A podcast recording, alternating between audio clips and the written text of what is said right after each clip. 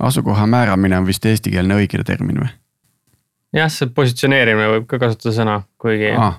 asukoha määramine võib-olla on ilusam mm.. meil on jah siin, kuna kõik algoritmi saated transk- oh. tehakse tekstiks. transkript, tehakse tekstiks tundub, et tänane hommikul ei ole ei ole läinud käima väga õieti, aga ja, ja siis, siis seal jälgib kindlasti Keele Instituudi robot kuskil jälgib, jälgib, et oleks, loeb seda transkri-. teksti. eritud teksti ja siis, ja siis saadab, saadab alarmid, ma kujutan ette, kui Keele Instituudi sellel mm, juhil on sihuke dashboard jookseb tead seal mm. kõrval, et kui jooksevad alarmid peale, et nagu warning, critical, on ju ja just niimoodi jooksebki, warning ja, ja critical. Täpselt jah, jah, push the button, push the button to escalate, eks ju et nüüd äh, genereerisime siin hulga äh, warning uid jälle selle venna dashboard'ile, aga hea küll. paneme liikuma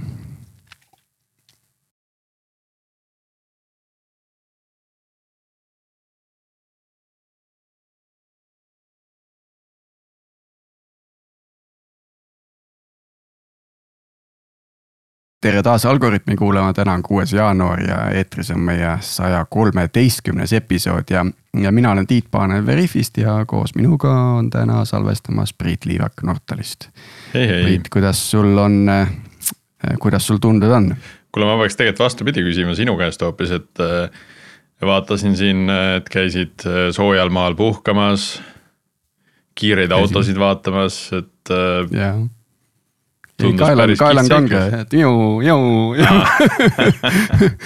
aga, aga jah, sellest on nüüd täna salvestuse eetrisse mineku ajaks möödas juba hulga aega, aga, aga jah, seda, seda tunnet, mis, mis Abu Dhabis F1 viimast võistlust vaadates tekkis, on, on raske korrata vot, aga lähme tänase saate teema juurde ja, ja põnev teema. Äh, räägime siis järgmise generatsiooni nagu asukoha määramisest ja selleks on meil külas äh, Sander Ulp. ja kes on Elico CTO, tere Sander. tere, tere. ja, ja räägi natukene Elicost ja, ja siis saame ka sinuga isiklikult tuttavaks, et, et, et kindlasti kuulajaid huvitab, et kuidas mida see inimene tegi, enne kui temast sai Elika CTO? jah, et võib-olla lühidalt Elikast, äh, et saab kohe pikemalt ka rääkida, aga Elika on siis äh, ajalooliselt oli siis äh, arenduskeskus, mis siis tegeles igasuguste erinevate projektidega. peamiselt seotud siis rakendusteadusega, ehk siis tegelikult juba loodi aastal kaks tuhat neli siis neid projekte on igasuguseid erinevaid olnud, äh, näiteks äh, Tallinna tänavavalgustus on Helico poolt siis, äh, no see kontrollimine on siis nii-öelda tehtud, ehk siis need tuled asi ja siis osa seal Tartust on ka sellega seotud. siis samuti on seal tehtud ka impedantsi mõõtmisi ehk siis meditsiiniliste asjade jaoks. ja seal on siis sihuke kvadra, kvadraseade ka tehtud mitmesageduslik impedantsi mõõtmise jaoks aga viimaste aastate kontekstis siis fok-, on fokusseeritud rohkem positsioneerimisele ja just eh, noh, täpsemalt rääkides siis sisepositsioneerimisele ja siis seda UEB tehnoloogiaga. et tegelikult ettevõtte sees on seda pikemalt eh, nii-öelda uuritud ja arendatud, aga siis see fookus on siis kuskil aastast kaks tuhat üheksateist on see fookus läinud, et see eh, siis nagu kommertsialiseerida ka, see lahendus. ja see siis võib-olla UEB-st ka, et see on selline uus tehnoloogia, et üsna teda ütleme nii, et igapäeva. see on siis ultra wideband, eks ju. just, ultra wideband äh,, väga lai riba tehnoloogia, kui eesti keelde tõlkida. hetkel vist äh, suurt midagi ei ütle see, aga noh, saame selle lahti ka rääkida, mis see on.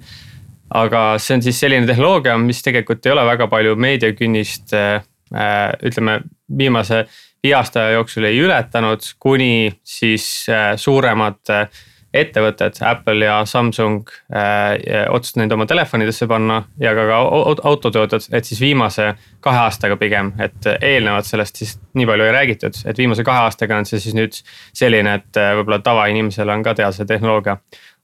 tehnoloogia iseenesest on nagu pikema aega ja siis Helico mitte ei tegele nende aplikatsioonidega, mis on seotud siis nende telefonide ja autodega, vaid pigem siis RTLS tehnoloogiaga, mis on siis äh, reaalaja positsioneerimissüsteemid. ehk siis me põhimõtteliselt pakume klientidele reaalaja positsioneerimissüsteemi, mille abil on siis võimalik lahendada igasuguseid äh, äh, use case'e või siis kasutuslugusid ettevõtete jaoks, mis on väga laia nii-öelda valikuga, et äh, alustades siis äh, tööstusest, kus on vaja näiteks tõstukeid jälgida, tagada, et inimesed ei läheks teatud aladesse või siis lülitada mingeid liine välja vastavalt sellele. siis minnes üle ka näiteks äh, sinna nii-öelda meelelahutusvaldkonda, kus siis jälgitakse tantsijaid, liigutakse heli, valgustust vastavalt sellele ja siis, äh, siis ka on äh, huvitavad asjad on näiteks ka lehmade jälgimine. Selleks, et siis andmeid koguda ja et aru saada, et kuidas lehmadel tervis on, et näiteks ennustada ette, kui äh, loomal peaks olema selline käitumismuster, mis, mis noh, tähendab seda, et peaks juba sekkuma. et ei tegeleks ainult selle, ei tegeleks ainult siis nagu nii-öelda selle järelsümptomitega, et kui juba on midagi halvasti läinud, vaid juba alguses ennustada midagi aga räägi ähm, sellest, sellest tehnoloogiast veel, oh ei, meil liitus Martin vahepeal.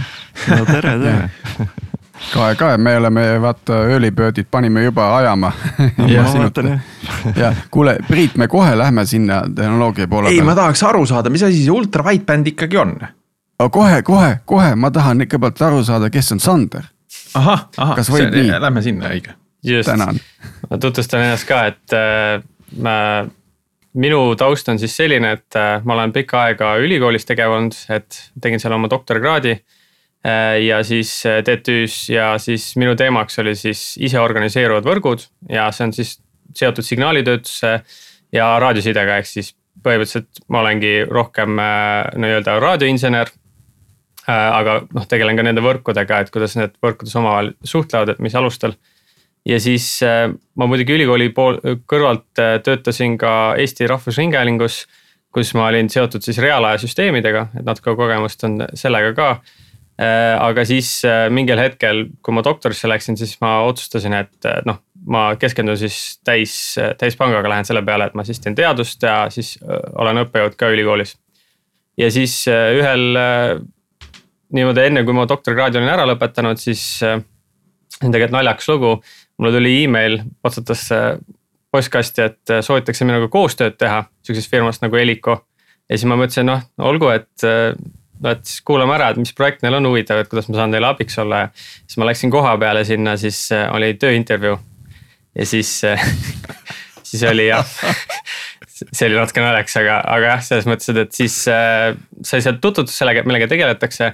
ja esialgu tegelikult äh, ma läksin sinna ettevõttesse äh, mitte selle positsioneerimise peale täiesti, vaid ma läksin äh, signaalitöötlejaks, et kuidas teha impedantsignaalidest siis äh, teisi signaale või midagi järeldada sellest, ehk siis sinna meditsiinivaldkonna peale.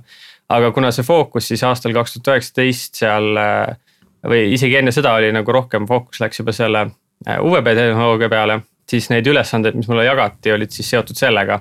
ja siis, siis noh, põhimõtteliselt oligi see selline, et et näed, siin on mingi ülesanne, mida ei ole keegi ära lahendanud või seda ei ole siiamaani suudetud ära lahendada, et vaata, kas sa suudad ära lahendada ja siis. Mingil määral ma nagu suutsin need ära lahendada ja siis sealt edasi nagu kasvaski see välja, et, et sellesse rolli, et kus seda tehnoloogiat siis vedada, et missuguste mm. probleemidega tegeleda ja kuidas mm. -hmm nii, aga, aga väga tore, see on hea näide, kuidas äh, läbi inimeste see tehnoloogia siire nagu ettevõtlusesse toimub, eks ju.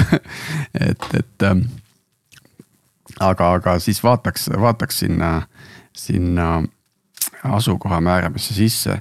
ma ei tea, Priit, äkki vaatame korraks nagu, ma ei tea, ülevalt alla või, või helikopter vaataks. ma tahaks, ma tahaks seda noh, et, et äh, Martin sulle infoks, et me juba peatselt hakkame rääkima sellest, kuidas lehmasid jälgitakse selle tehnoloogiaga äh,. aga et enne ma tahaks aru saada, kuidas see tehnoloogia töötab, et, et noh, et asukoha määramises mina olen tuttav sellise tehnoloogiaga, nii-öelda see Bluetooth beaconite tehnoloogiaga. Läbi mille siis kuskil on mingid saatjad, mis viskavad välja oma infot, eks ju, ja kui ma satun piisavalt lähedale, siis, siis ma saan teada, et või et, et ma olen selle saatja läheduses. ja kui ma tean seda topoloogiat, mismoodi need beacon'id on paigutatud, siis ma saan ka seda äh, enda asukohta määrata nagu selles, selles ruumis ähm,. et aga kuidas see ultra, ultra wideband nagu töötab, et äh, mis, mis süsteem seal on selle asja taga, miks see mm -hmm. teistsugune on? et äh, siis taustaks võib-olla, et äh, erinevate raadiotehnoloogiatega saab positsioneerida, et noh, iseenesest nad ei ole disainitud äh, positsioneerimiseks alati, aga nendega tehakse positsioneerimist mingil määral, mingil põhjusel. Bluetooth on samamoodi, et noh, ajalooliselt ta ei olnud disainitud positsioneerimise jaoks, et see on nende viimane fookus, et kui vaadata nende siis seda standardimise või seda, kes veab seda Bluetoothi tehnoloogia arengut, siis nendel on väga suur fookus viimasel ajal on lisaks sellele Äh, audio poolele, äh, siis on ka siis äh, positsioneerimine. aga mille poolest UVB erineb, siis erinebki selle poolest, et see on disainitud tegelikult positsioneerimise jaoks eelkõige. et e-, eesmärk ongi valida sellised raadioparameetrid ja selline nii-öelda lähtekoht, mis on sobilik selle positsioneerimise jaoks, et kui me laiemalt räägime positsioneerimisest, siis noh, väljaspool inimesed kindlasti mõtlevad, et GPS on see sünonüüm mm. -hmm. õige oleks öelda GNSS, sest tegelikult GPS on lihtsalt üks konstellatsioon seal all. et siis äh, äh, kui õues on äh, nii-öelda disainitud see GNSS just selle eesmärgiga positsioneerida, et tal ei olegi muud eesmärki, siis noh, õues tegelikult saab ka LoRa tehnoloogiaga või Sigfoxiga või siis muude tehnoloogiatega. ja ka mobiilivõrkudega positsioneerida, aga need ei ole otseselt nagu disainitud selle jaoks. ehk siis sealt tuleb nagu see vahe sisse, mille jaoks on mingi tehnoloogia disainitud. Äh, ja siis, kui me läheme nüüd üle uue peale siis mis probleemid, et kui, kui õues nagu neid probleeme on vähem, siis äh, siseruumides on probleeme sellega, et esiteks sul ei ole seda infrastruktuuri. nagu satelliitide näol on, et sa pead põhimõtteliselt selle infrastruktuuri ise ehitama. teine asi on see, et raadiotehnoloogias on, kui sul on peegeldused ehk siis sul on eesti keeles on mitmekiire levi, inglise keeles on see multipath, siis juhtuvad igasugused asjad, mis takistavad sul saamast äh, täpset positsioneerimist. Ja, ja tegelikult UVB äh, ongi nii-öelda füüsilises kihis disainitudki selle jaoks, et nendest asjadest parem olla, et kui sa võrdledki Bluetoothi ja äh, UVB-d, siis mõlemad on raadiotehnoloogiad, aga lihtsalt UVB on disainitud selle jaoks, et üle olla nendest probleemidest, mis sisepositsioneerimisel on. kuidas tehakse seda, on siis sellega, et UVB puhul on hästi lai spekter ja sa saad siis teha hästi kitsaid impulsse Äh, ja siis kitsaste impulsside puhul ja ka nende nii-öelda preamblite või eesliidete puhul, äh, mida siis kasutatakse, et seda detektsiooni teha. esiteks need impulsid on mitmekiire levile palju-palju äh, nii-öelda noh, öeldakse immuunne, tegelikult päris, päris immuunne ei ole, aga palju-palju immuunsem selles mõttes, et need ei mõjuta nii palju seda äh, positsioneerimise nii-öelda kvaliteeti. ja teine aspekt on see, et kui sul on sellised äh, kitsad impulsid, siis see resolutsioon, et määrata seda ajatemplit seal alguses, positsioneerimise aluseks ongi siis see ajatempli määramine, äh, mis on täpne. et siis selle, selle resolutsioon on ka parem, et, mm. et selle tõttu siis. seda ma tahtsingi uurida natukene, et, et see on ikkagi selle kiire kulgemise, kiiruse mõõtmise kaudu, ehk siis aja, aega mõõdetakse ikkagi endiselt, eks ju. just. jah, aga nüüd kui meil on, räägime siseruumides, siis on, on vahemaad on suhteliselt lühikesed, et eh, kas kellad on piisavalt täpsed? sa mõtled eh, mikrokontrolleritele nendel mm? -hmm. no selle, sellepärast tulebki mängu see, see ajalugu, et kui, kui Eliko alustas selle teema uurimust, üks paljudest teemadest, et tegelikult noh, kui otsustati, et kaks tuhat kaheksateist, kaks tuhat üheksateist kommertsialiseeritakse, siis see teemaga juba alustati kaks tuhat kaksteist või kaks tuhat kolmteist ja siis tuli turule sihuke firma nagu Decawave oma kiibiga. ja, ja siis see kiip tegelikult noh, silikooni tasemel ongi eelduseks, et saada neid täpsed ajatempleid. ja nemad põhimõtteliselt on lahendanud selle probleemi ära, et kuidas seda täpset ajatemplit saada. ja, ja kõik, kogu see kellade loogika, jah, see, see on huvitav jah, et selles mõttes, et eh, osad, osa nendest probleemidest on siis lahendatud nii-öelda selle kiibi sees, ehk siis äh, näiteks Egiibi puhul see resolutsioon peaks olema seal peast öeldes mingi null koma üks nanosekundit, umbes mingi sada pikosekundit, sada viiskümmend pikosekundit, midagi sihukest, et noh. panna selle konteksti, siis üks nanosekund on raadiolevi mõttes kolmkümmend sentimeetrit. ehk siis, et noh, kui sa paned ühe nanosekundi mööda, siis sa paned kolmkümmend sentimeetrit mööda automaatselt, et noh, see on juba üsna, üsna suur viga, ehk siis mm, -hmm. ehk siis. sa ütlesid, et see täpsus, mida nemad taga ajavad, on null koma üks nanosekundit. Just, et ja, tegelikult ongi nii, et. kolme sentimeetri peale. just, et kui sa dist-, et kui sa mõõdad kahe seadme vahel distantsi, siis äh, tavaliselt on see äh, üks delta on siis, äh, siis seal kolme ja nelja sentimeetri vahel, olenevalt, kuidas sul see süsteem on tehtud. no ja siis sealt hakkabki see mäng pihta, sul on põhimõtteliselt silikoon, mis suudab seda ajatemplit äh, õigesti teha. siis on nagu see küsimus, et mis sa nende ajatemplitega peale hakkad, et sest need seadmed sul ei ole ju noh süngitud. et selles mõttes, et need on suvalised ajatemplid, üks võtab ühel hetkel vastu ja teine teisel ajal, siis sa pead kuidagi seda tegema. noh, siis UEB-st ongi koorunud kaks sihukest peamist äh, lahendust, ma jätan praegu kõrvale need äh, angle of arrival'i meetodi või siis nurga kaudu arvutamised, et äh, räägin nendest põhilistest, mis on nagu RTLS-ides kasutuses, on siis TDO. ma küsin korra vahele et üks, meil on ikkagi arhitektuurilises mõttes, meil on nii-öelda saatja ja vastuvõtja, mingit kahepoolset liiklust ei toimu.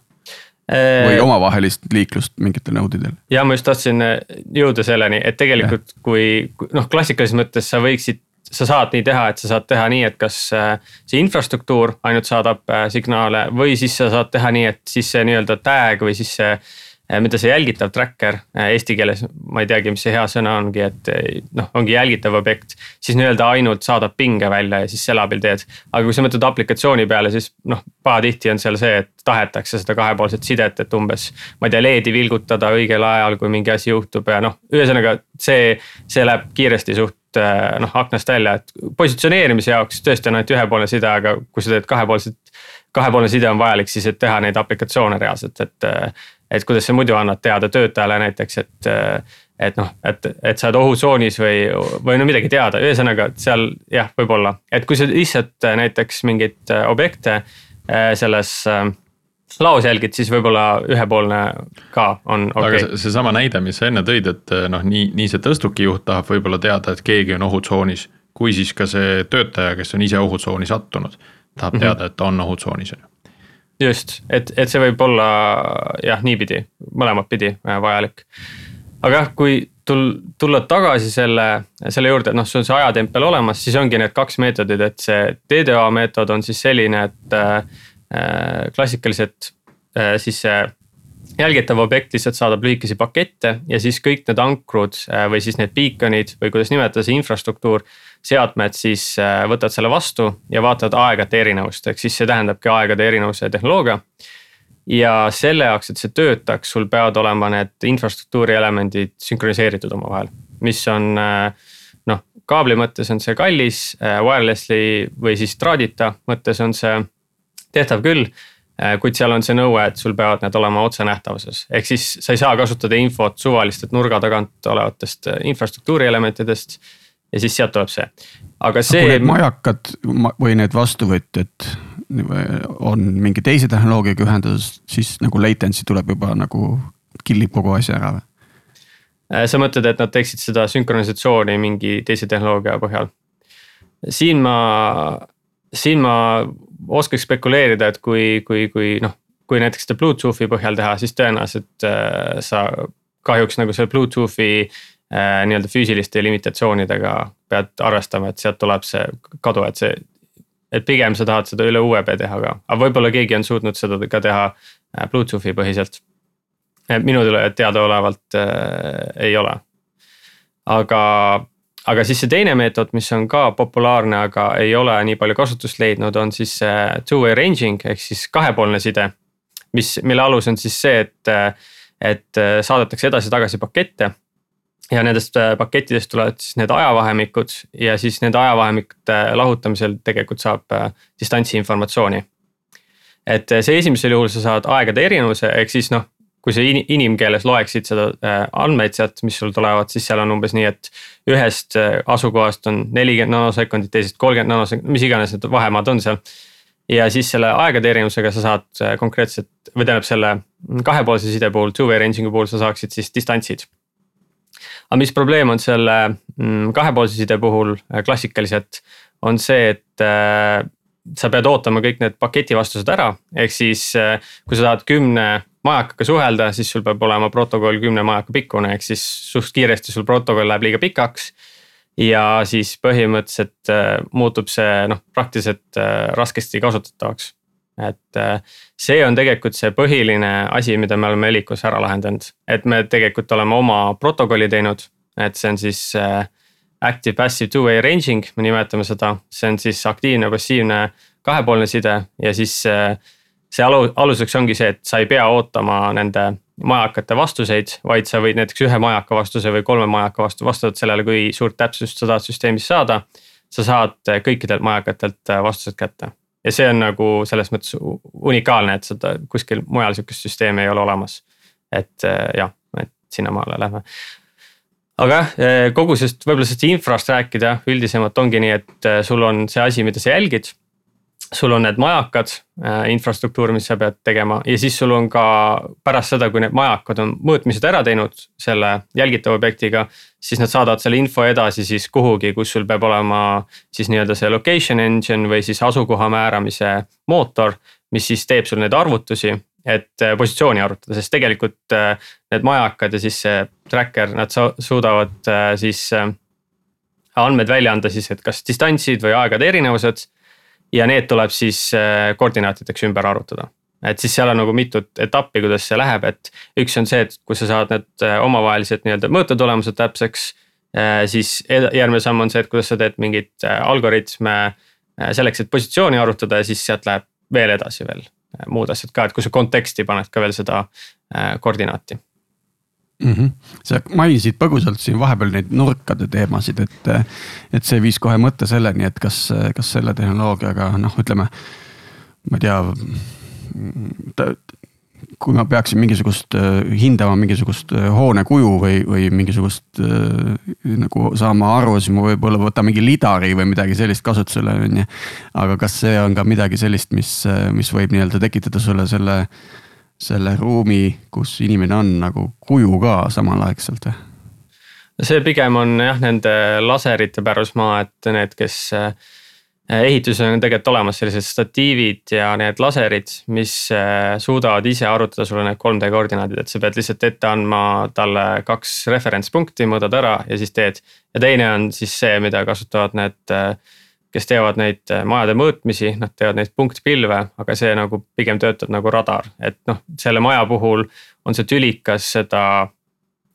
Seda lahendust või seda nii-öelda reaalaja jälgimissüsteemi kasutada, sest sul peavad need saatja ja vastuvõtja seadmed olema, et kui sa radareid kasutad, siis sul on see üks seade, mis kiirgab ja võtab vastu.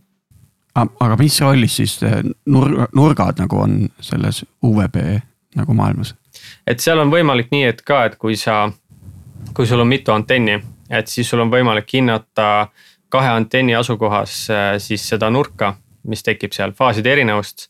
Ja selle läbi siis teada, mis suunas tuleb see signaal, et muidu sa äh, TDA puhul saad selle aegade erinevuse, äh, kahepoolse side puhul saad distantsid, siis kolmas asi, mida sa võid positsioneerimiseks kasutada, on ka nurgad või suunad, et kui sul on piisavalt palju suundasid seadmed, siis sa saad ka selle välja arvutada. et oluline on siin märkida ka, et siin on need teadmatuse hetked, et tegelikult, kui sa näiteks noh, võtame 2D positsioneerimine ehk siis X-Y määramine. Siis kui sul on üks, üks ankur, siis või üks majakas. siis kui sa saad suuna kätte, siis sa tead, et ta on seal suunas, aga sa kindlat positsiooni ei saa määrata. kui sa saad distantsi, siis sa tead, et ta on raadiuse peal, aga sa ei tea, kus ta raadiuse peal on, sul on määramatus kui sa teed seda aegade erinevust, siis seal noh, seal ei ole üldse infot, sa saad lihtsalt ühe ajatempli, see ei tee midagi kui sa lähed äh, kahe ankru peale või kahe majaka peale, siis kui sul on need äh, suunad, siis sul tekib see probleem, et need suunad annavad kahte kohta positsiooni, ehk sul tekib määramatus, sa ei tea, kumb positsioon õige on. Äh, kui sul distantsid on samamoodi kaks distantsi ja siis sul tekib sama probleem, et, et sul on see määramatus. ainuke koht, kus ei ole määramatus, on täpselt kahe majaka vahel mm -hmm. ja siis nii-öelda äh, siis selle aegade erinevusega, siis sa saad äh, põhimõtteliselt äh, kahe, kahe selle majaka aegade erinevuseks, sa saad midagi. ja siis, kui sa lähed üle kolmele, siis seal kaob juba see määramatus ära, siis saad juba kaksteist positsiooni arvutada, 3D-s veel ei saa. ja siis noh, selle jaoks ongi neid majakaid vaja ja mida rohkem sul tegelikult majakaid on äh,. oletame, et sul majakates on ikkagist hea info, siis äh, seda täpsemini või robustsemaks sa teed süsteemi. aga selle aluseks on muidugi see, et sa saad aru, kui hea kvaliteediga see info on, et kui seal on nii-öelda see tõrvatilk meepotis, siis sa saad ikka omal selle tulemuse ära rikkuda mm sa juba mainisid, et Samsungil ja Apple'il on nagu UEP tugi olemas viimased paar aastat. aga kuidas nagu ülejäänud infrasse see jõuab, kas see on eraldi seade või see tuleb mingi, see kiip on kuskil. ma ei tea, wifi router'is või kuskil elektrikilbis nagu, nagu standardina kaasas või kuidas see töötab? Et kuidas, äh, kui sa tahad jälgida näiteks mingit muud seadet, mingit tõstukit või midagi. no ja ehitan, ehitan maja, tahan sinna maja sisepositsioneerimise tek-, tekitada, kas see tuleb mulle juba nagu äh, nii-öelda out of the box mingite seadmetega või ma pean selleks, selle eest eraldi hoolitsema? et äh, eraldi peab hoolitsema enamasti jah, et on küll neid pakkumisi olnud või ideid klientidele, et kohe ehitavad uue maja ja siis teevad nii-öelda sinna selle sisse ehitada, aga noh, nad peavad ikka arvestama, et sa pead need seadmed sinna planeerima. et äh, just see infrastruktuur on see, mis sa pead planeerima sinna, et seda teha. ja, ja kui rääkida sellest Apple'ist ja Samsungist, et kuna see on nii uus äh, tehnoloogia tegelikult see UVB ja see otseselt nende nii-öelda see kasutus ei ole mm, reaalaja jälgimise süsteemid, vaid neil on, praegu on need äh, nii-öelda lukud targad lukud, need autode jaoks on siis need FOB süsteemid ehk siis võtmete süsteemid ja ka siis see Apple'i AirTag peaks olema ka, et mm -hmm. need on siis mõeldud pigem leida mingeid asju lühimaalt ja lahendada neid kasutusvaldkondi, et. et nendel nagu seda tuge, et neid kasutada kuskil positsioneerimisvõrgus praegu ei ole, et tõenäoliselt see on selline nelja-viie aasta perspektiivis, et tekib see, et sul tekivad interoperability või siis noh. ühildatavus erinevate süsteemide vahel, praegu on need positsioneerimissüsteemid paraku üsna eraldiseisvad, et kui sa ostad ühe mm. tootja käest, siis tõenäoliselt eh, see ei tööta teise tootjaga. kas see tähendab seda, et eh, kas teil tekib ka varsti AirTag'i tugi, et ütleme niimoodi, et on teie, teie. Need majakad on nagu igal pool nagu laiali, eks ole, siis AirTag liigub ringi ja, ja saate vaadata, kus, kus värk on tehnoloogia on sarnane, eks ole, ma saan aru, et eh, protokollid, asjad võivad erinevad olla muidugi jah, need protokollid on erinevad, aga iseenesest see on nagu see pool, kuhu püüelda küll, et.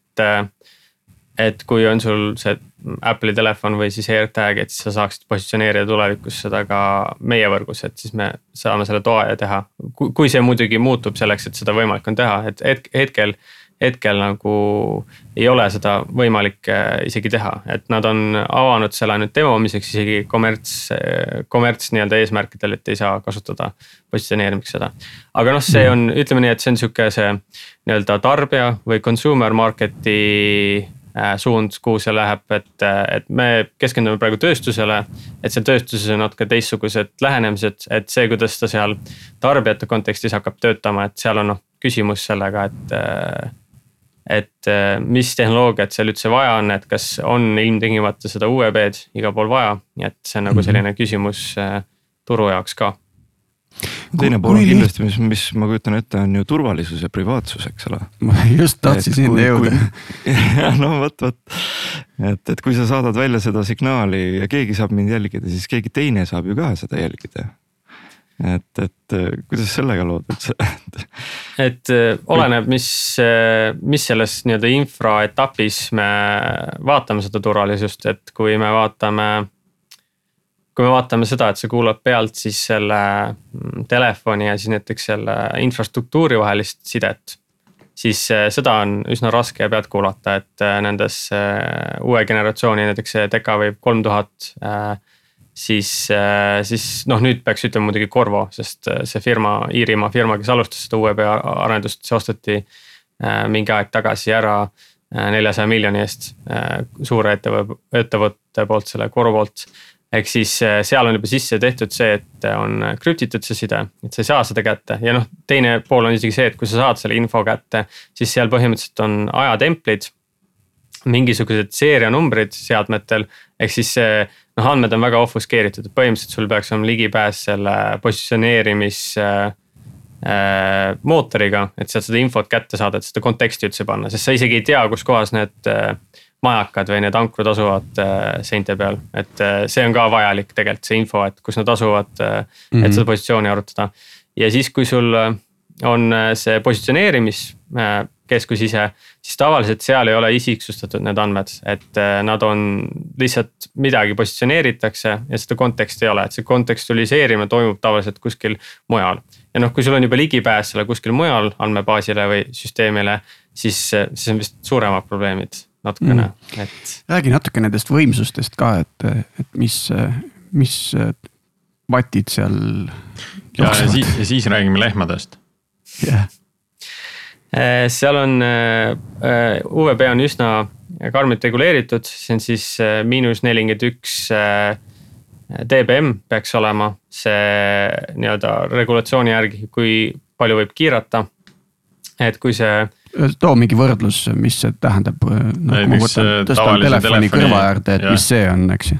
ja see, kui ma peast nüüd suurusjärk vist on mingi miljon korda vähem, et mm., et kui, kui seal on nagu miinus nelikümmend üks dBm, siis see on nagu äh, vähem kõvasti kui millivatt ja, ja siis äh, telefoni puhul äh,, modernsed telefonid võib-olla vähem, aga kõne ülesajamiseks äh, tavaliselt öeldakse, et mingi üks või, üks või kaks nagu äh, peaks olema see vatt. kui mm, -hmm. kui, kui ma ei eksi, et noh, see, see vahe on väga-väga-väga suur, et äh, näiteks äh, kui sertifitseerida neid seadmeid, siis päris tihti on nii, et äh, kui sul on mingi raadioseade, mis sa pead inimesel mm, peal hoidma, kuskil läheduses hoidma. sa pead tegema testid selle jaoks, et äh, kuidas see võib mõjutada inimest või sellist asja, siis UEB puhul see kiirgus on nii väike, et äh, seal isegi neid ei tehta just selle põhjusega mm, -hmm. et noh, ta on telefonist ja ikka. mis selline võimsus nagu distantsi mõttes annab meile umbes? Äh, see on juba see, et kuidas ole, oleneb, kuidas seda süsteemi üles ehitada. et äh, on võimalik UVB-ga saada regulatsioonide piiris, ma arvan, et äh, sada viiskümmend, kakssada meetrit ka. aga see on siis selline, et sa annad järgi siis annad järgi siis näiteks nendes värskendussageduses ja näiteks elementides, kui palju saad positsioneerida meie süsteemis meil on selline välja lubatud, on seitsekümmend meetrit on äh, see siis see kaugus. aga, aga tegelikult ta teatud suundades levib ka üheksakümmend meetrit või sada meetrit et mm kuna me kasutame hästi lühikesi pakette, oleme oma protokolli optimiseerinud, sest noh, tegelikult äh, kui me räägime nendest kasutuslugudest, siis enamasti on nii, et see seitsekümmend meetrit on oluline teatud kasutuslugude puhul, aga kui me mõtleme tehase kontekstis või mingi sellises tööstuse kontekstis, siis seal on lihtsalt nii palju takistusi, et seda seitsekümmend meetrit naljalt äh, nagu otsenähtusega ei saagi mm. -hmm. sa juba mainisid, et, et tänu andmete sisule on nagu ofuscatsioon nii-öelda tekitatud juba nagu naturaalselt ja, ja see kiibi tasemel on krüpteeritud, aga, aga me ju teame neid sagedusi, millel see jookseb ja me, seda on ju võimalik nii-öelda, kuidas ma ütlen, scramble ida või? ja, eks seda häirida on võimalik. jah yeah häirida on äh, võimalik ikka jah, selles mõttes, et äh, lihtsalt selle sagedusel äh, paned püsti hästi suure müra ja see on see sama, sama probleem, mis on ka selle GNSS-iga, et neid, neid, neid on ka võimalik jam ida, et. noh, ja, ja mobiilivõrkudega ka, et see on paratamatu osa mm. -hmm. jah, droonifirma ajast ma mäletan, et, et oluline featuur oli oli see, et kui on nii-öelda see GPS, ütleme siis on nagu häiritud, et siis. et siis droon on salvestanud kõik oma liikumised ruumis ja siis isegi kui on see positsioneerimist ei ole võimalik rakendada, siis ta suudab neid liikumisi ruumis tagasi kerides, ringi keerates ja tagasi kerides jõuda algpunkti tagasi, et see on ka päris huvitav uuritav viis positsioneerida, et ma ei tea, kas, kas selline lähenemine on kuidagi ka korreleerub selle UVB-ga ja üldse sellise nagu järgmise taseme positsioneerimisega, et, et sa, sa nagu jätad need leivaraasukesed maha ja oskad mööda neid tagasi tulla, mis iganes siis on vaja tulla. jah, see on siis, kui sul on sihuke automaat autonoomne süsteem või selline, kus sul on vaja, et see järgi tuleb, et mm. -hmm et, äh, et see kindlasti on abi, et seal on ka need variandid teha seda dead reckoning'u. Äh, ma ei teagi, mis see eestikeelne vaste sellele on hea, et äh, kasutada neid kaamera infot või inerts-, iner-, inertsiaal nende mm, kiipide infot, et siis, et siis leida ka positsioneerida ennast nii-öelda ilma mingi infrastruktuurita. aga noh, selles mõttes, et UVB kontekstis see segaajad ja see asi, et see on jällegi, siis see peaks ikka päris suur probleem olema, sest enamasti on nii, et. Et neid süsteeme pannakse üles ettevõtete territooriumidele, nende hoonetesse, tööstuses. Ja siis, kui keegi saab su ettevõtte territooriumile tulla mingi UEB segajaga ja seal hakata segama, siis see on noh, jälle ka küsimus, et enamasti mm. kui ma olen käinud nendel ettevõtete külas, siis on eh, naljad sinna niisama ei saa minna, et on tihti mingid saatjad on ja, ja siis noh, ikka mm. -hmm. ikka peab teada olema, kes sa oled ja mis sa teed seal ja, ja mis seadmed sul kaasas on. kohe lähme lehmade juurde, üks, üks küsimus veel vahepeal vahepeal. ma tahan lihtsalt teada, kuidas see näinud... põllu peal töötab noh ja, ja põllu peal läheb ka, kõigepealt lähme panka, me kõik oleme näinud neid, neid seiklusfilme, kus, kus äh, mingid mustade sülingondadest nööridest alla tulevad mehed löövad äh, betooni sisse mingid majakad ja kogu, äh, ühel hetkel on kogu ette, kogu hoone nii-öelda ülesehitus ja, ja seal jooksevad punased täpikesed siis ringi, on ju. Tiit, ma tahan teada, mis filme sa vaatad. no täpselt, on ju. et siis, siis on kohe näha, kus kes on, eks ju, kas see on nagu realistlik asi täna et sa lööd ja lööd mingit battery powered majakat pumm-pumm no,. võtame ja... nagu, võtame sellise nagu lihtsamalt, et äh, okei okay,, et võib-olla ma löön nagu majakat igasse ruumi nurka ja poetan igale pantvangile nagu mingisuguse pulga taskusse ka on ju, ütlen, et noh, see nüüd kanna. et äh, noh, see, seal on see pool, et see majakate ülespanemine, et saada väga head täpsust, sa pead, äh, peaksid need üles mõõtma et on variant teha siis nii-öelda neid algoritme, mis äh, ise positsioneerivad, need majakad positsioneerivad ennast ära ruumis.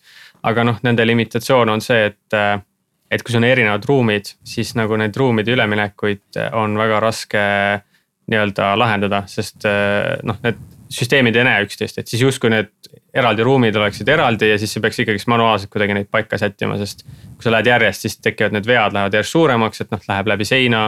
sealt tuleb jälle mingisuguseid meetreid vigu võib-olla, mis iganes, et, et siis see nagu kaob ära see nii-öelda praktiline kasutus sellel, et enamasti mõõdetakse need üles. aga kui, kui rääkida, et sul on see algoritm paigas ja seal kiiresti need paika lohistad ja inimestele need tag'id kätte annad, siis, siis tundub see nagu jah, isegi isegi realistlik niimoodi teha, et äh, on mm, -hmm. on võimalik. nii, lehmad. business plan Tiit või? põllule et kõigepealt lähme põllule ja siis lähme arendajate juurde, et, et äh, sa rääkisid sellest, et ka need vastuvõtjad peavad olema sisuliselt mingis võrgus, et äh, kuidas, kuidas seda asja siis nagu seal põllul püsti pannakse või kuidas, kuidas seal lehmade küljes need kiibid on, kaua need, kas see nagu aku tühjaks ei saa? Et äh, aku kindlasti saab tühjaks, et see oleneb, kui suur aku on sinna pandud, aga see infra mõttes või noh, seda tausta rääkida on see, et äh, väga lihtne oleks öelda, et nende lehmade puhul, et aga miks mitte kasutada noh GNSS-i, et palju lihtsam. GNSS-i vastuvõtjatel on ka muidugi akuga probleeme, aga noh, paned suurema selle äh, patarei äh, või selle aku sinna taha ja siis peaks see lahendatud olema, aga seal on see probleem, et äh, seal on need katusealused ka ja ta on plekis tihti ja siis, kui sa GNSS-i teed, siis täpsus läheb sealt ära. noh, ja siis ütleme, et kui sul karjamaa peal on järgida vaja lehmasid ja sind ei huvita noh, see meetrites täpsus või sentimeetrites täpsus, kümnetes sentimeetrites, siis, äh, siis GNSS on parem variant, sest äh, ma mõtlen pigem seda, et, et kas, kas ma pean siis nagu terve hunniku kaablit sinna karjamaa peale vedama, et see asi üldse tööle saaks hakata või ja kui sa need majakad üles paned, siis nemad peavad kindlasti toite all olema, et toite sa pead saama. toide peab. toide peab olema, et mm -hmm. nende omavahelise suhtluse või suhtluse siis nii-öelda selle äh, kohaga, kuhu see info kokku läheb, et selle saab ära lahendada wifi või siis mingi muu, muu variandiga, et siis äh, et siis need andmed üle õhu jõuavad sinna, et kuna see ei ole reaalajasüsteem, siis ei pea kartma väga palju seda wifi'st tulenevat latency't ka Äh, sest sa teed analüüsiks seda, et see oleneb sellest kasutusloos, et lehmade puhul. Neil oli just oluline see, et see ala, kus nad jälgivad, need on väga väiksed ja nad tahavad aru saada sellest, et kas lehm käib näiteks seal söömas või, või joomas liiga palju või siis ta seisab liiga palju paigal, ehk siis noh, tegelikult see nüansirikas info huvitab neid, mitte ainult see, et kas ta on seal või mitte või selles alas on nii. ja siis selle jaoks sa pead midagi täpsemat kasutama ja siis ongi nii, et noh, kuna GNSS ei tööta seal varjualustes ja ja see ei ole võimalik kasutada, et seda nüansirikast infot saada, siis sa peadki sinna ehitama oma infrastruktuuri. et siis panedki äh, sinna hulga neid äh, majakaid, annad neile voolu, nad peavad kuidagi suutma see info edasi saata kuhugi. ja siis need äh, vastuvõtjad on siis äh, lehmadele külge pandud. meie juhul nad panid nad neile kaela ümber, et on ka variant, nad, on mingid tracker'id ka, mis käivad kõrva sisse. Või noh, kõrva, kõrva külge, et aga tollel juhul, kui me tegime, oleme seda teinud või praegu jookseb ka see süsteem, siis, siis ta on seal kaelavõru peal. Nüüd nüansirikastest äh, andmete kogumistest, mina olen kuulnud sellist lugu, kus äh, noh, et ei teagi nüüd, kas oli siin tooteettevõttega tegu või ühesõnaga, ma saan aru, et võrdlemisi suur ettevõte, kes äh, siis oma inimestel palus kanda tracker eid ja jälgis siis seda, et kui palju tiimid omavahel suhtlesid. Et eh, noh, kas, kas tootetiim käis marketing tiimiga nagu rääkimas regulaarselt, kas seal oli mingi kommunikatsiooniliin, et kas, kas on tulnud ette ka sellist, sedalaadi inimeste äh, track imise kasutuslugusid siis, kus kus mitte lihtsalt ei tule jälgida seda, kus inimene ruumis asub, aga noh, siis tagantjärgi võimaldada ka seda analüüsi, et noh, et need kaks inimest olid nüüd teineteisest kolmekümne sentimeetri kaugusel, on ju Äh, ja veetsid seal pool tundi juhtumisi selle, äh, selle kohvimasina majaka kõrval jah, see teema kusjuures äh, läks väga aktuaalseks pandeemia tulekuga, et siis kasvas ka huvi selle UVB vastu kõvasti. Selle tõttu, et kõik tahtsid teha neid contact tracing või siis kontakti nii-öelda jälgimisaplikatsioone.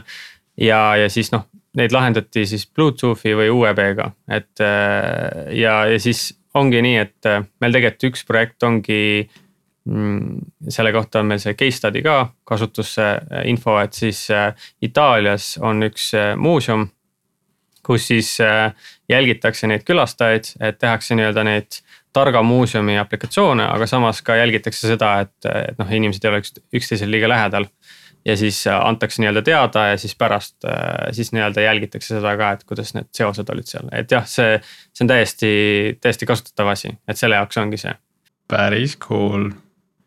see on juba nagu Hoia, Hoia äpi nagu järgmine evolutsioonisamm. Ma, ma küsiks siia nüüd, kindlasti läheme selle juurde ka, et kuidas seda kogu seda infrat ja, ja seda tarkvara seal arendada on, eks ju, ja mis, mis tehnoloogiad on kasutusel, aga, aga mm, mis on see suu probleem, sa mainisid, et Helico on lahendanud nagu ühe probleemi ära, eks ma nüüd ausalt ei mäleta täpselt, mis seal oli, oli. see oli see mitme on... majakaga suhtlemine, uus protokoll. okei okay,, jah, aga mis on nagu järgmine probleem? On see mingi energiakulu või, või mingisugune latency?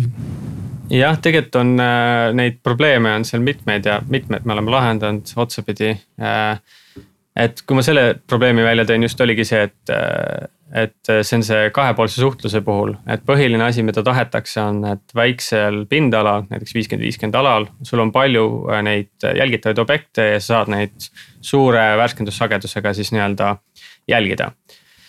Ja kui sa teed seda kahepoolset suhe, suhtlust, siis äh, nii-öelda traditsiooniliselt, siis äh, seda on raske teha, seda saavutada. et siis meie süsteemiga seda on võimalik teha TDO-ga on ka muidugi võimalik seda teha, aga see distantsipõhine süsteem iseenesest annab väga palju eeliseid. et äh, üks nendest probleemidest on see, et kui ma räägin sellest infrast, siis see infra elementide hulk on väga kriitiline just selles mõttes, et äh, noh, sa võid ju neid juurde panna, aga mingi hetk läheb see nii kalliks, et sul need ROI arvutused ja see süsteemi mõistlikkus äh, lihtsalt ei ole mõistlik enam selle lahenduse jaoks ehk siis, kui see on distantsipõhine süsteem, siis sa tegelikult saad selliseid asju teha nagu, mis on ka meie süsteemis olnud, mis on nagu siis nii-öelda proximity või läheduse tundlikkus. et oletame, et sul on näiteks suur tootmispind, aga sul on siukseid väikseid ruume, kus sind ei huvita, kas kus nurgas inimene liigub, aga sa tahad teada, et ta on seal ruumis või mitte. kui sa oled distantsipõhist, siis sul ühe distantsiga on võimalik öelda, et kas ta on selle sfääri või raadiuse sees. kui sa võtad selle teise lahenduse, mis on see ajatemplitega, siis paraku seal pead sa tegema selle võimsuse väärtuse põhjal selle RSSI põhjal, aga see on kohutavalt äh, ebatäpne võrreldes sellega, et kui. kui see raadiuse põhine annab sulle sentimeetris selle täpsuse, siis RSSI põhine on tihti meetrites ikkagist. Et siis äh, võib seal tekkida probleeme, et see annab sulle usaldusväärse viisi, kuidas neid ruume lahendada. teine hea näide on see, Rootsis meil on tehtud ühes sulametalli selles töötlemis noh, nii-öelda tööstus selles kohas on tehtud äh, sildkraana jälgimine, et kui klassikalises mõttes sa jälgiksid seda kraanat, siis äh, sul on vaja panna sinna lae alla äh, neid majakaid, nii et sa saaksid noh, 2D-s selle kätte, eks ju aga kui sul on distantsipõhine süsteem, siis tegelikult sul on võimalik kolm või neli korda vähem neid majakaid panna ja läbi distantsida siis arvuta see teekond, sest noh, sildkraana on äh,. liigub mööda sirget, et siis noh, ta ei, selles mõttes ta ei liigu alati X-is või Y-is, aga ta liigub mööda mingit sirget, ehk siis põhimõtteliselt. me lubame oma süsteemis siis nii-öelda defineerida selle sirge, kus see objekt liigub. Ja siis vastavalt raadioplaneeringule, siis me paneme sinna majakad ja siis äh, saab kokku hoida siis nii-öelda rahas ja siis ma panen selle konteksti ka, mis see tähendas selle ettevõtte jaoks äh, nende majakate sinna lakke panemine. Äh, no tootmist seisma ei saa panna, seal see suur sulametalli asi liigub. seal all ei ole mingit infrat, et mingisuguseid neid äh, tellinguid ehitada ja see on mingi seitseteist või kakskümmend meetrit kõrge. ehk siis see on väga-väga keeruline, siis kõige odavam, mõistlikum viis, kuidas sinna majakaid panna oli nii, et nad puurisid läbi lae, betoonlae seal mingi ma ei tea, kolmkümmend sentimeetrit või kui palju see paks oli Äh, puurisid augud sisse ja siis äh, panid äh, sealt ülevalt poolt siis need majakad sinna paika. Koos kaablite ühendusega ka. ja, ja see ja siis selles mõttes nagu see on ka üks asi, aga seal on veel nagu probleem, et kindlasti robustsuse ja täpsusega saab edasi minna. et saab seal mingeid asju teha, et üks suuremaid probleeme, mis on, mis igatepidi vajab lahendamist ja on üritatud igatpidi lahendada, aga praegu ei ole sellist asja, et noh, keegi saab öelda, et mul on see nii lahendatud, et et äh, sa võid ükskõik mis probleem mulle ette visata ja see on lahendatud, on siis see mitte otsenähtavusega seotud äh, probleemid, et kui. Kui tavaline kasutus ongi, kui sa mõtled inimese peale, et äh, tahad inimest track ida, siis on see, et aa, ma panen selle tag'i näiteks neile kaela või taskusse või mis iganes. no see on enamasti selline, et siis tuleb kohe neid nii-öelda ootusi manageerida, öelda, et kui sa paned kaela või siis taskusse, siis on see, et inimene pahaimutult jääb ette nendele raadiosignaalidele ja need äh, väärtused, mis sa mõõdad läbi inimese, need on vigadega, ehk siis see on mitte otsenähtusega seotud. ehk siis sa ei saa seda nii-öelda ideaaltäpsust, et sa pead sellega arvestama. mütsi pähe siia niimoodi otsa paned ja seda me tegime seal Rootsis ka, et on äh, kiiv, kiiv, kiivril oli taga oli see äh, ja siis leedi riba jooksis siia noka peale. et siis, kui oli tea, teada vaja anda, et suur see metallpütt läheb mööda, et, et jälgida vaja on, siis see leed hakkas vilkuma ja siis nad teadsid, et ahah, okei okay,, ma hoian sealt eemale. ja noh te,, teistpidi oli ka nagu enne oli jutuks, et, et nii-öelda tõstukijuht tahab ka teada seda poolt, siis seal on need, kes seda kraanat kontrollivad, et siis neil on ka nii-öelda tahvel on ees või ekraan ja siis nad näevad, kus äh, töötajad on ja siis nad teavad, mis, mis liiki töötajad nad on ja nii. et siis nad äh, saavad äh, kraana opera-, opereerimisel siis noh, selles mõttes, et kuna see keskkond on selline, et sa ei näe äh, nurga taha ja seal on need suured äh, ahjud äh,, mis on nii, et kaks ahju on kogu aeg töös, üks ahi vahetatakse seda sisemust seal, sellepärast et see põleb ära seal selle protsessi tõttu. siis mingid inimesed töötavad seal ahju sees, füüsiliselt ei ole lihtsalt võimalik näha, kas nad on seal sees või mitte, et siis äh, siis ongi positsioneerimisega hea, et see näitab sulle, et ahah, seal on keegi sees ja siis oskad arvestada ka sellega, et noh, et kuidas nad liiguvad ja. no nüüd sa andsid sellele otsenähtavusele minu jaoks täiesti uue, uue mõõtme. et eh, noh, kui mina mõtlesin tõesti, et eh, koridori otsas on äh, see, see majakas ja, aga noh kui, kui sinna keegi lükkab mingisuguse postikäru vahele, et siis on juba nagu probleem on ju, et siis enam ei ole otsenähtavust et äh, isegi sellised mm -hmm. väiksed detailid võivad äh, mõjutada rohkem kui tarvis. just ja, ja see ongi see pool, kus tegelikult tuleb mängu see tehnoloogiate vahe, et äh, UVB-ga on need asjad lahendatud, noh. kui me räägimegi sellest nii-öelda täpsusklassist, siis on nii, et et paljud nagu firmad tulevad, ütlevad noh UEB-ga kolmkümmend sentimeetrit täpsust ja siis enamasti ongi see nii, et kuskil kontoriruumis või koosolekusaalis on asjad üles pandud suhteliselt ideaaltingimused, lühikesed distantsid, ei ole mingit skaleeruvat süsteemi. muidugi saab kätte selle, et, et selles mõttes, kui osta ise need äh, Decawave'i või need Corva moodulid. siis tõenäoliselt saab mingi äh, nii-öelda põlve otsas ise tehes ka võrgu või süsteemi, sihukese algelised saab ka väga hea täpsuse kätte, et see ongi nagu omane sellele tehnoloogiale ja siis võib ka proovida seda, et paned sinna midagi vahele aga siis, äh, kui sa teed Bluetoothiga teed, siis äh, Bluetoothil on juba nii, et äh, need täpsused hakkavadki sealt kuskilt poolest meetrist ja meetrist ja kui sa hakkad vahepeale sinna mingeid asju panema, siis see täpsus läheb kõvasti, kõvasti kaugemale. UVB puhul on see, et see algus on kolmekümne sentimeetri juures, aga see noh, täpsus ei lähe nagu kohe mitmetesse meetritesse halvaks, kui mingid takistused, asjad on, et sellega tullakse enam-vähem toime ja suudad ikkagi meetri piiresse jääda, ehk siis ütleks, et UVB puhul on jah, see äh, nii-öelda fundamentaalne täpsus. ja siis see robustsus on need põhilised asjad, mis nagu paned selle märku. aga noh, selles mõttes, et kui sa räägid mingist kasutusloost, kus ei olegi tähtis see, et sa saad äh, meetritäpsusega, et näiteks teed mingit analüütikat äh, enam-vähem inimeste liikumise kohta, kus on hästi palju inimesi ja hästi suured alad, siis seal nagu noh, see rahalises mõttes see Bluetooth on nagu parem, et siis sa teed, pead andmeanalüüsis lihtsalt väga palju rohkem mööndusi tegema selle täpsuse osas, et, et, et siis see on võimalik, et seal noh ma ütlekski, et need ei olegi isegi konkureerivad tehnoloogiad, et kui me räägime tööstuspositsioneerimisest, siis ma, ma ma ei, ma ei soovitaks kellelgi Bluetoothi kasutada, et, et see ongi see vahe, et. et need, ma ütleks, et need tehnoloogiad ei ole lihtsalt konkureerivad, et neil on omad nagu nišid, et kus nad töötavad Sander, mul on sulle üks äh, lähteülesanne. võta, võta märkmik kätte ja, ja hakka kirjutama, et tegin nalja, et äh, ma tahaks teada, äh, kuna Põhjala toodab maailma parimat õlut, eks ju. ma tahaks teada absoluutselt kõike sellest pudelist ja vaadist, mis sellega pärast seda toimub, kui ta meil tehasest välja läheb, sest noh, tehases me teame, kus nad on ja, ja kui kaua nad on ja nii edasi, seda me kõik teame. aga ma tahan teada, kaua ta on veokis, kaua ta on riiulil, kaua ta on, kus ta on, kaua ta on inimese külmkapis. ei, sul on väga ja, palju ja. seadmeid vaja selleks. jah, no täpselt, eks ju, aga, aga see on nagu reaalne, see on reaalse elu vajadus, eks ju ja, ja see, see ei ole ainult õllega nii et eh, keegi, kes tuleb lahendama seda probleemi tõenäoliselt läheb päris hästi ma, ma arvaks ka, et see on päris huvitav oleks sihuke süsteem, aga noh, seal on nii palju erinevaid äh, osapooli. et, äh, et praegu juba on nii, et sul on vaja lahendada see ühes etapis ära, et ka selles ühes etapis on põhimõtteliselt see probleem lahendamata, aga noh, kui me võtame, alustame siis kõige kaugemast punktist, külmkapp. kui sul on äh, mingi tark külmkapp ja sa paned sinna sisse mingi positsioneerimise või mingi viisi. sa ei pea isegi positsioneerima, sind huvitab lihtsalt see, et ta suudab ära tuvastada, et see toode pandi sinna külmkappi. kus on see olemas, sul on tegelikult ajatemplid olemas, millal ta pandi sinna, saad selle info kätte Mm -hmm. siis kui ta, kaua ta poes on, siis poes on samamoodi, et siis sul peab mingi süsteem olema, mis tuvastab selle ära, poes tegelikult on olemas see müügikuupäev või see ajatempel ja siis äh, see, millal ta lattu tuleb või mm, -hmm. või mil, noh, millal ta riiuli läheb. probleem on selles, et nad ei anna seda infot välja. Nad, nad võiksid seda nagu täiega müüa nagu nagu Selver võiks täiega müüa, nagu ma lihtsalt API-st saan nagu iga freaking partii kohta kõik info. ja nad ei müü seda, nad ei saa aru, et sellel on väärtus, ma ei, ma üldse ei saa aru, millega nad tegelevad ausalt öeldes. Tundub, et ikka käru on põhiteema nagu.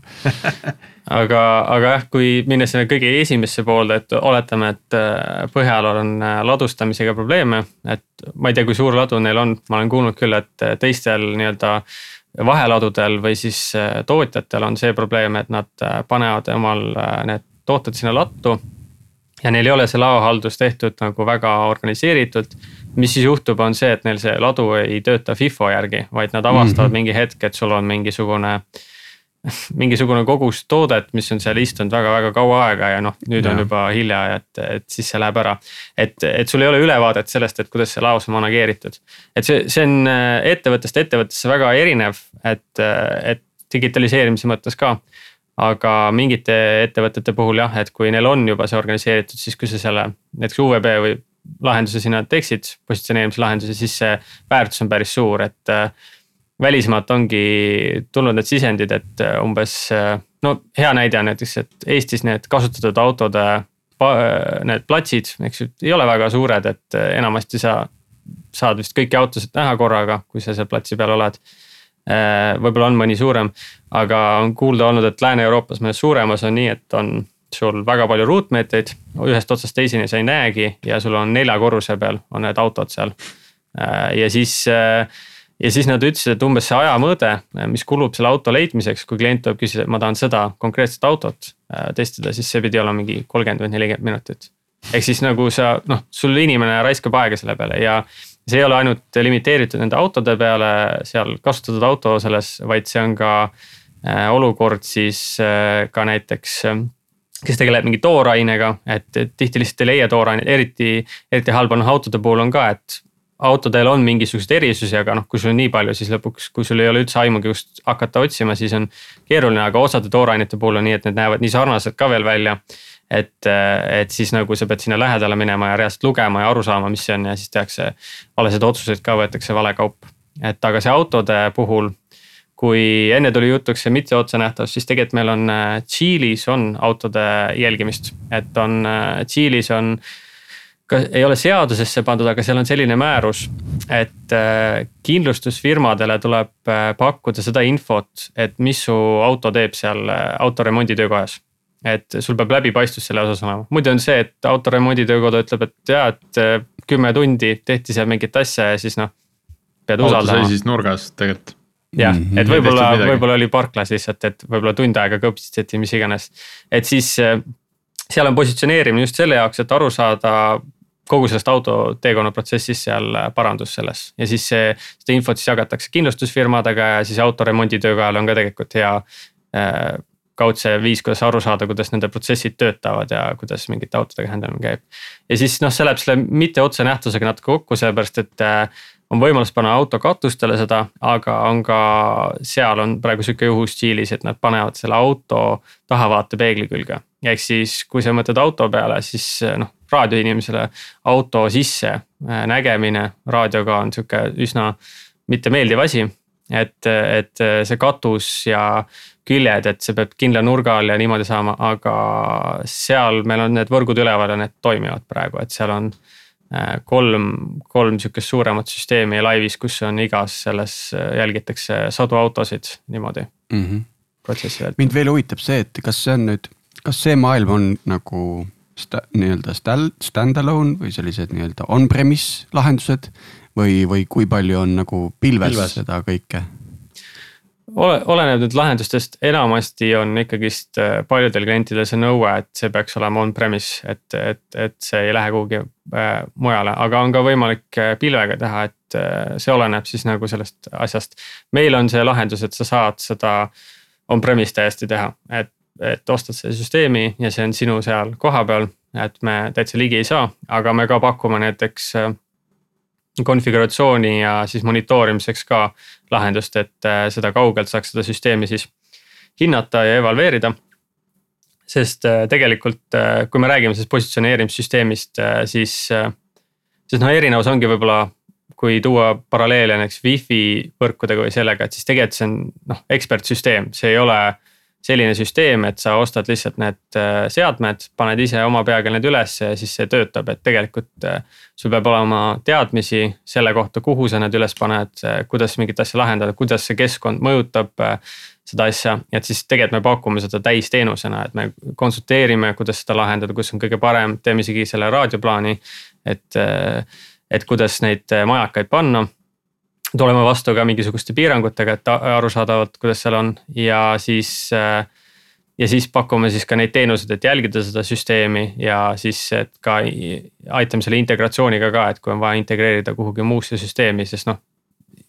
ilma kontekstita see info nagu noh, see midagi kõik alati ei paku, et siis, et seda konteksti panna ja integreerida mingi teise süsteemiga, siis see on ka oluline mm. -hmm mis, mis tehnoloogiad nagu arhitektuuri lõikes nagu kasutusel on, et minnes nüüd sellest raadio poolest edasi, et tarkvara poole peale?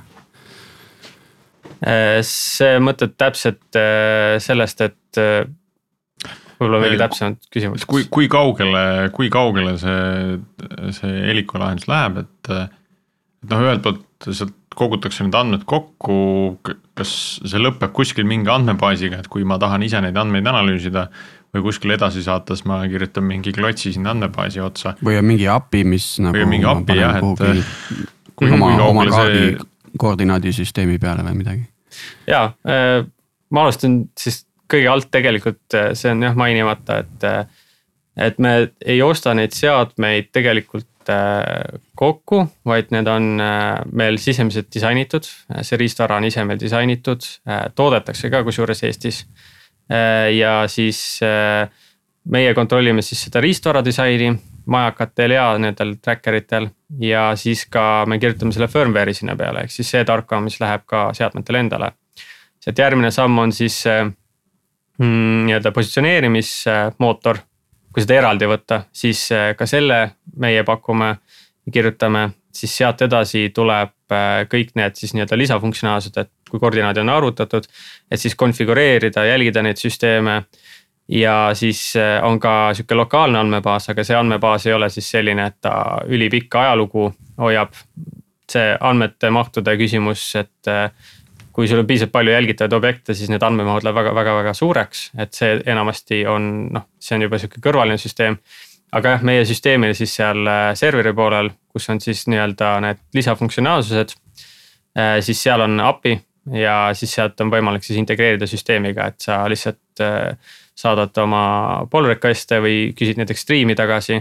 ja meil on ka olemas RTLS manager, mida, mis me siis on nagu meie see ui, millega on siis võimalik konfigureerida seda ja siis äh, ka jälgida seda reaalajas süsteemi, et kuidas see töötab. et see tegelikult meil on. jah, et, et ma tahtsin lihtsalt veel, et sa mainisid andmetest ja et seadmetest, eks ole, et kui sul on, ütleme kümme seadet, mida sa jälgid, kui palju sul andmeid tekib üldse sinna süsteemi? Äh, oleneb see värskendussagedusest, oletame, et üks kord sekundis näiteks äh, nad positsioneerivad, mm, siis äh, see on siis ühe seadme kohta üks rida. ma ei, seda peast ma ei oska täpselt seda suurusjärku kindlalt öelda, ma pakuks, et see mingi kaheksakümmend kilobaiti, sada kilobaiti, võib-olla rohkem või vähem, oleneb, et kui palju sealt lisainformatsiooni on vaja hoida. siis iga sekund sul tekib nii palju infot äh,, siis korrutad selle minutitega Mm, korrutad nende tundide päevaga ja siis korrutad näiteks mingi aastatega, et siis sa saad nagu selle teada, et me arutasime ühe kliendi jaoks, kes, kellel oli eesmärk äh, siis neid andmeid hoida mingid aastad. Ja seal oli vist isegi juba töödeldud andmed natukene, et äh, seal oli nii, et äh, kuskil saja jälgitava objekti puhul mitme aasta peale olid juba noh terabaitides olid need infod, et kümnetes terabaitides vist isegi. aga noh, see oleneb jälle sellest suurusjärgus, et mitu aastat sa tahad seda hoida ja, ja et kuidas sellega läheb. et neid andmeid tuleb sealt päris palju ja seal on see küsimus ka, et kui kaua need andmed on üldse noh, mõistlikud hoida ja kasutada, et kui relevantsed need on. Nii, aga me hakkame jõudma vist äh, tänase episoodi lõppu. äärmiselt tehniline episood tuli küll, mitte väga tarkvaratehniline, aga raadiosidetehniline ülipõnev seepärast, et, et, et see, me ju tavaliselt räägime sellest kõigest, mis ehitatakse selle peale, mida sina, Sander, teed, on ju. ja, ja vahel räägime ka sellest, et kuidas need tiimid välja näevad yeah,. Yeah. kes Aga seda kõike ehitavad. nüüd me saime rääkida sellest, et mis, kuidas see, kuidas see päriselt nagu juhtub. et, et see on väga lahe. aga Sander, võib-olla selline küsimus siia lõppu sinule veel, et, et mida ise tahaksid Algorütmist kuulata? Nendest järgnevatest saadetest või mm? -hmm. jaa. Uh, see on hea küsimus, mulle need äh, masinaõppe teemad äh, sobivad ka, et siin mm -hmm. oli ka hiljuti käis äh, see FIMA nimeline see ettevõte, et.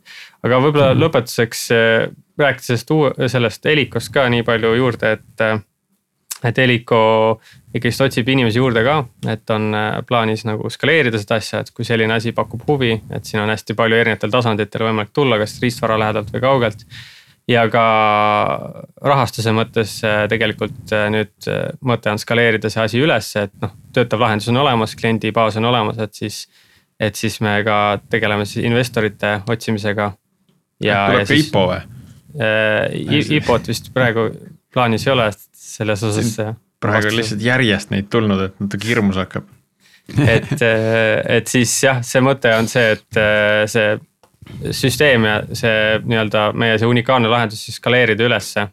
ja siis mm -hmm. jõuda sellega kuhugi mujale ka, et siis noh, tegelikult neid Eesti, Eestis nagu sellist ettevõtet, kes selle UVB-ga tegeleb, ei ole praegu üldse ja kes teeks sihukest, ütleme ekspertsüsteemi või deep tech'i ja, ja mm, -hmm. ja Mhm. ka nagu maailmas selles mõttes on unikaalne, et enamasti. Siuksed ettevõtted, mis on sellega tegelenud juba mitte ainult paar aastat, vaid on, kes on tegelenud sellega järjepidevalt ja olnud see noh, sügavalt see tehnoloogia sees. Et noh, neid ei ole ka väga palju. Eestis on tegelikult mõned deep tech'i fondid küll täitsa olemas, kes sellesse investeerivad, nii et ma arvan, et teil raskusi ilmselt raha tõstmisega ei, ei ole, kui traction on olemas, eks ju. riskid, riskid on maandatud, litsentsid on korras et, et äh, aga tore, ehk siis pange, uurige välja, Heliku lehelt ilmselt saab teada, mis positsioone pakute töötamiseks ja rolle. Äh, jah, peaksid olema vist avalikult ka üleval, et mm. -hmm. jah minge sinna ja uurige välja ja, ja siis on võimalik Sandriga koos töötada. aga aitäh, Sander, et äh, tulid meile saatesse, aitäh äh, ka Priit ja Martin, et aitasite seda vedada. ja jääme kuulmiseni järgmisel nädalal jälle ja nagu ikka, kirjutage, joonistage, saab häid ideid. endiselt pole ühtegi pilti saanud jah, miks ei ole, miks ei joonistata miks ei joonistata? just. Jõulukaarte ootame nüüd. ja kuna jah, tegelikult on nii, et see sa saade on jah eelmisel aastal ära li- lindistatud juba, nii et eetrisse läheb kuuendal jaanuaril, et.